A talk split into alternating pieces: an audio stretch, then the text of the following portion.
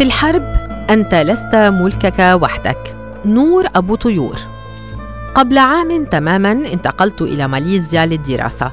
آلاف الكيلومترات بيني وبين مدينتي. في مكان بعيد تنتظرني وأنتظرها. قابلت صديقة من بنات البلاد. اجتمعنا على سيرة غزة. حالنا كحال غيرنا. جبلنا على حبها ولم نتمكن من الشفاء منه. لطالما كان الخط الفاصل في كل تفاصيل حياتنا اليومية عبثا نحاول في تخطيها والولوج لحديث آخر. ليس لأن الغربة تمكنت منا بل لأننا نجد صعوبة في إيجاد بديل لها أو اللجوء لوطن آخر غيرها. نحن لا شيء دونها. غرباء في هذه الديار وهي تعريفنا الوحيد. جلساتنا عبارة عن استذكار للحظاتنا فيها. كم نحب البحر ونجد فيه البراح والمستراح. كم نشتاق للقاء أصدقائنا وأحبائنا ودفء عائلاتنا. كنا نخطط لزيارة غزة في الإجازة الصيفية القادمة ونتشارك العديد من اللحظات معا. كوننا لم تسمح لنا الفرصة بلقاء من قبل لأننا من محافظات مختلفة داخل القطاع. بأثر رجعي الساعة في شاشة هاتفي منقسمة لنصفين جغرافيا وروحيا. كانت الساعة قد تخطت الثانية عشر ظهرا بتوقيت ماليزيا السادسة صباحا بتوقيت غزة. أفتح عيني على الآلاف المؤلفة من الأخبار المتتالية دون أي تفسير. يكبر الغزي على سياسة اللا إنذار التي تأتي مع الحروب ولا يهم المكان. فمصيرك واحد أينما مضيت. لا حق لك بفهم ما يحدث حولك. تمضي الأيام عصية على توضيح نفسها وشرح ماهيتها. لنفاجأ بتصاعد الأحداث بشكل غير متوقع لكنها محتملة الحدوث في أي وقت. فهذه غزة كعاديتها. الأيام فيها غير منتظمة الإيقاع ولا يعرف بهذا سوى أهلها. من عايشوا حروبا سابقة فهم لم ينبهوا قط بأن كل هذا الخراب سيحدث سابقا أو الآن. السابع من أكتوبر لعام 2023 كابوس أسود يحل على المدينة. حبيبتي التي لم تجد مستراحا ووقتا بعد لترمم نفسها من الحروب الماضية. سيناريو قادم. ما يعني خوفا من المجهول لكنه مضاعف الآن وتائه عن الوصف. لا تعريف له ولا اقتباس. فراغ كبير يملأ قلبك كأنك جسد واحد لكنه منفصل ومترامي الأطراف في بقاع هذه الأرض. لأن قلبك ليس لك وحدك. نصفك هنا والنصف الآخر هناك. أنا هنا. أسفي أنني هنا. ثمانية عشرة ساعة سفر ومسافات وعجز في قلب البعد شاهده ومشاركه في حرب بعيدة. يقولون إن القفص الصدري يحوي 24 ضلعا. لماذا أحصيهم وأشعر بثقلهم على قلبي للمرة الأولى في حياتي وكأنها أحجار متراكمة. لم آتي بمفردي على هذا العالم. لست اسمي وتعريفي في بطاقة الهوية فقط. أنا مدينتي وعائلتي وسماء البلاد وضحكات رفاقي وجوه أهالي الحي المتواضعة. أنا حضن أمي ودفء إخوتي وابتسامة أبي. أنا لا شيء دونهم. نكرة ولا تعريف لي. أنا اللا شيء في حضرة غيابهم. هم القيمة لهذه الحياة. أحبهم جميعا. ولا أريد أن أواجه قدر فقدانهم حتى فكرة تخيلها صعبة علي. أيام الحرب تمضي وكل ما أنا عليه عبارة عن سؤال ماذا لو؟ يعيش معي كل يوم ومع كل خبر جديد.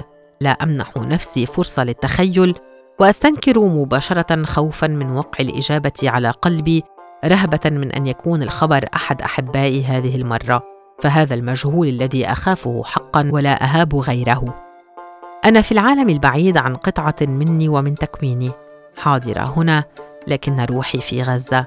أصحو على توقيتهم وأحاول أن أدرب عيني على النوم وأفشل في كل مرة.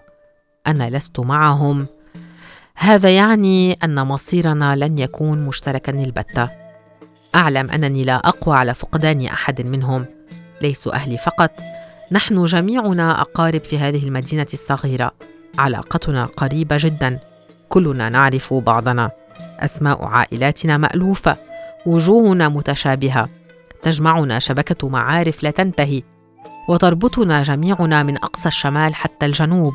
الشعور مخيف على الرغم من التماسك الذي يظهره لأننا بأي لحظة معرضون لفقدان أحد أحبائنا جيراننا أصدقاء الجامعة والمقعد الدراسي زملاء الأنشطة المجتمعية وناس البلاد الطيبين. المشاهد دامية وكارثية وهذه الحرب مختلفة عن سابقاتها كلما أحاول الاطمئنان على أصدقائي اتلقى إجابة واحدة مشتركة لدى الجميع. إحنا منيح بس هالحرب غير كل حرب يا نور. تعبنا بس ربنا معنا. ردود كثيرة ومتتالية على نفس المنوال كل كلمات الحزن تليها لكن أعرف جيدا أن حجم الضحايا والدمار في المحتوى المرئي وما هي إلا محاولات خجولة لنقل الوجه الحقيقي للمعاناة هو طريقه لتمرير جزء من المشهد الكامل. الحضور في الموقف أكبر بكثير ولا يمكن وصفه بصورة أو فيديو لأنها تبقى قاصرة تعجز عدسة الكاميرا عن تغطية الشعور أو منحه اسما. حتى عناوين الأخبار كلها ركيكة أمام حضرة الألم. كنت قد دونت مشهدا في الميدان الحرب السابقة. اسفا رأيت بعيني بيوت المخيم المتلاصقة الدافئة تتفتت كالرمل وتتناثر شيئا فشيئا وينصهر دفئها وتتآكل الذكريات من جذورها. بكل ما في القلب من حسرة شاهدت بيوت أصدقائي مدمرة بالكامل. توجب علي عقد لقاءات مع المتضررين. كان بينهم زميلنا يوسف. سيرته الذاتية متواضعة جدا. كان مصورا حالما وهاويا. يحفظ المال من مصروفه الشخصي قرشا على قرش ليشتري كاميرا خاصة به. يجوب بها العالم ويصور المناسبات السعيدة. السعيدة فقط لكن الاحتلال حرمه من اكتمال الحلم وقصف المنزل بما فيه وخسر كاميرته. نجا من الموت لكن تزعزع هذا الطموح الأعزل. أدعوكم أن تسألوا جدران بيتنا عنا وعن قصصنا. فهي عدسة رؤيتنا للحياة. عليها نؤثث دنيا لم نحظى فيها بالواقع. غرفتي عبارة عن خريطة اتجاهات لمسار حلمي وهويتي وتعريفي لنفسي وصور أحبائي. ليسأل الحالمون الذين تحت سماء المدينة في كل مرة ماذا يريد الاحتلال من أحلامنا؟ احتلال جبان وضعيف يهاب القلم والصوت ضحاياه أطفال هذه المرة بشكل جنوني.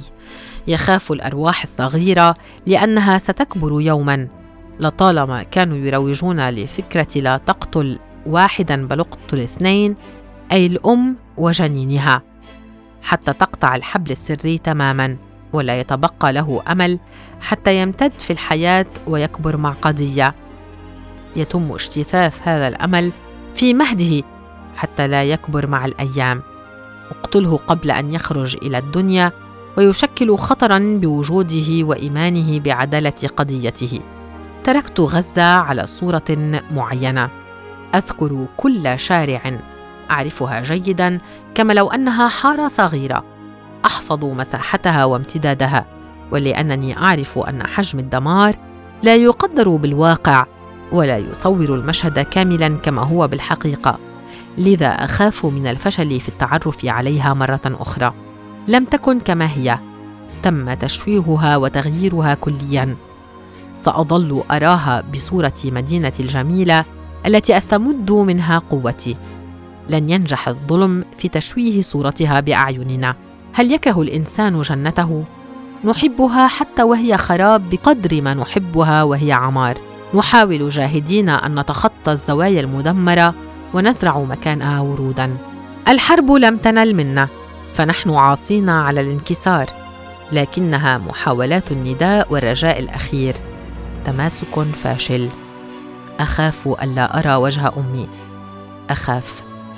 أصبح قلبي حفره عميقه تحوي أصدقائي ومن أعرفهم. أسترسل في هذا الشعور الأعزل. الخوف يتضاعف ولا أدري أين النهاية. هل سأتذكر الطريق المؤدي لبيتنا؟ هل ستساعدني ذاكرتي في تمييز الحي الذي نسكن فيه؟ هل ما زالت بقالة العم أبي أحمد كما هي؟ هل زاوية الطفولة المفضلة باقية في مكانها؟ قصف مركز للشباب الإعلاميين الموهوبين في مدينتي. كتبت هناك أول مقال واكتشفت شغفي في هذا المكان. قصفت جامعة الأزهر جامعتي التي درست فيها القانون الدولي. أي قانون هذا في عالم مغيب؟ لا عدالة هنا عزيزي الإنسان اتضح أن النصوص القانونية لا وجود لها فقدت إيماني بها وبكل ما نص عليه في المعاهدات الإنسانية لأن حقوق شعبي تنتهك أمام هذا العالم بأكمله ولا أحد يجيب هل سيبقى العم أبو حسن بائع الكتب يأتي على بوابة الجامعة بداية كل أسبوع لعرض مجموعة جديدة؟ كيف حال الجيران في المخيم؟ هل ما زالت الضحكات تزين ثغرهم رغم صعوبة الأيام وثقلها على قلوبهم؟ أخاف ألا أجد المكان كما كان. أخاف ألا أعرف المدينة وأن أجهل جغرافيتها. أنا التي أتممت عشرين عاماً في كنفها. أنا التي كبرت تحت جناحيها. الاحتلال يحرمنا من العيش مع ذكرياتنا. يجتث القصص والحكايا من جذورها. يحاول جاهدا أن يجعلنا وحيدين لا ننتمي لأي شيء مجردين تماما من أي امتداد. أفقد اشخاصا مفضلين واحدا تلو الآخر في مراحل عمري. الحجه عزيزة امرأة مسنة عزباء تعيش لوحدها. أمضت حياتها بين العبادة والمسح على قلوب الصغار. تفتح لهم بيتها تحتضنهم كأنهم أبناؤها. كانت بمثابة الأم الروحية لي في طفولتي. أحبتني كثيرا. كنت أتخذ منها جدرا أخضر أتكئ عليه وأنا طفلة. كان لديها حديقة خاصة بالنعناع تعطيني شتلة كل مرة تراني فيها. امرأة حنون وقلبها كبير يسع الجميع. داومت على زيارتها لأنني أجد راحتي عندها. كانت أقرب الجارات وأحبهن إلي. كنت عازمة على زيارتها عندما أعود إلى غزة. أكرر كلمة كانت كثيرا لأنها لم تعد موجودة. تلقيت خبر استشهادها قبل يومين. رحلت ضحية لقصف إسرائيلي. امرأة مسالمة إنسانة لكنه احتلال جبان يهاب الإنسانية فيقتل كل من يملكها. فقدت حبيبتي الحاجة عزيزة اسما ووصفا في المكانة وقربها من قلبي. رحلت وبقيت نبتة النعناع لغة الحب بيننا لتكبر مع الأيام. غزة في معزل عن العالم. هذا يعني أن الاتصال سينقطع تماما عن مليوني شخص في هذا القطاع المحاصر. أسبوعان متواصلان. لم أتمكن من سماع صوت أمي الذي يطمئنني ويصبرني على الحياة. حرمت من جنتي وقطع حبل النجاة الذي يربطني بها. دقيقة وثلاثون ثانية. كانت أطول مدة سمعت بها صوتها. دار الحوار كالتالي. ماما أنت بخير؟ إحنا بخير. لسه عايشين. ما تخافي وضلك بخير. لا أدري من أين سيأتي الخير. ونبرتي كلها خذلان وقلة حيلة. الاتصال ينقطع ولم أتمكن من إخبارها بأي شيء. صمت وغضب كبير داخلي ونيران مشتعلة. ثمة فراغ عالق بي. كلماتي لا تصلها. شخص مثلي بعيد عن وطنه أشحن روحي يوميا بصوتها. لماذا نحن محرومون من سماع أصوات أمهاتنا؟ لماذا هذا العالم قاس لهذا الحد؟ ماذا يريد العالم مني ومن أمي؟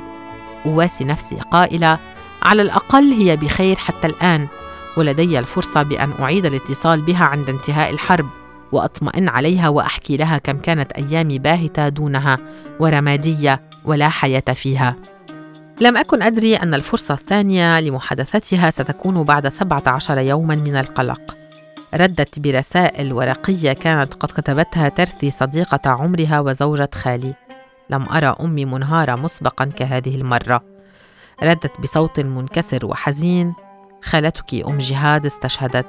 كانت امرأة حنونة جدا وقلبها يتسع العالم كله. رحلت هي وابنتها الجميلة ميساء. ما الكلمات المناسبة لمواساة شخص فقد صديقه الأوحد في الأرض؟ كيف أطيب خاطر أمي لم أجد طيلة حياتي أصدق وأحب من علاقتهم شقيقة روحها رحلت عند خالقها وأنا لست معها ما هذا العجز؟ ترد المهم أنت كيفك يا ماما صحتك منيحة؟ هل أنا صلب الموضوع الآن؟ هذا حالها لا تتوقف عن عادتها في إعادة توجيه السؤال ماذا عنك يا حبيبتي؟ هل تطمئنين قلبي بعد حرماني من صوتك لأسبوعين؟ أحتاج لسماع تفاصيلك اليومية لترد إحنا نازحين بمدارس الأونروا لأنه منطقتنا خطرة وكل الجيران أخلوا بيوتهم أمي مثلها كباقي النساء الفلسطينيات ذكية وتستطيع حل أمرها بحنكة استطاعت المحاربة والبحث هنا وهناك والحصول على مسودة وقلم لتدون الأحداث وتنقلها لي بأثر رجعي. كتبت لك مذكرات يومية تعويضا للأيام يلي ما كلمتك فيهم. كل صفحة مرقم عليها اليوم والتاريخ. ما نسيتك يا ماما. في كتير إشياء بدي أحكي لك عنها. أمي تهوى الكتابة وأنا ورثت هذه العادة عن هذه المرأة العظيمة. أستطيع القول إنها أصابت في توظيف هذه المهارة في وقتها ومكانها الصحيح لحفظ المواقف لأن الذاكرة تخون أحيانا. تقول لي أمي نعيش في أزمة إنسانية كبيرة. الناس هنا ألوف مؤلفة. نقص حاد في الخدمات واحتياجات النازحين. لا تقوى المدارس على تغطيتها بالكامل. الماء ليس متوفرا بصورة دائمة. يوميا ينزح إلى المدرسة المئات من الناس الذين لا حول لهم ولا قوة. ينصبون الخيام بشكل متلاصق لأن المساحة ضيقة. وخيمة أخرى من شأنها أن تحتضن لاجئا من التشرد يبدأون بالاستقرار فيها. املا منهم أنه اليوم الأخير لكنهم لا يتأقلمون ابدا ويقيمون الصلوات الجماعية كل يوم ويبتهلون في الدعوات من أجل إيقاف النار وزوال هذا الكابوس والعودة لبيوتهم. الحرب هذه لها ضراوة كبيرة علينا وأثرت بشكل ضخم وكبير. لا أعلم أبكي علينا أم على حال الناس والجيران وهم يحملون شنطاتهم ويذهبون إلى اللاواجهة. وكما تعرفين يا ابنتي لا أحد يزكي نفسه على الآخرين في هذه المدينة. نخاف على بعضنا أكثر من أنفسنا وإن وجدنا حيلة نجاة نعممها علينا جميعا. مدارس الإيواء أكثر الأماكن تلوثا لكن الناس تتعلق بقشة من خوفها على حياتها. تحاول أن تكون تحت درع وكالة الغوث حتى تنجو من القصف لكن لا مكان آمن. قصفت العديد من المدارس حتى الآن ولا أحد يرضى على نفسه هذه المعاناة إلا من فقد منزله أو من يحاول أن يتمسك بحياته حتى الرمق الأخير. اتضح أننا لا نعيش في غزة بل هي تعيش فينا.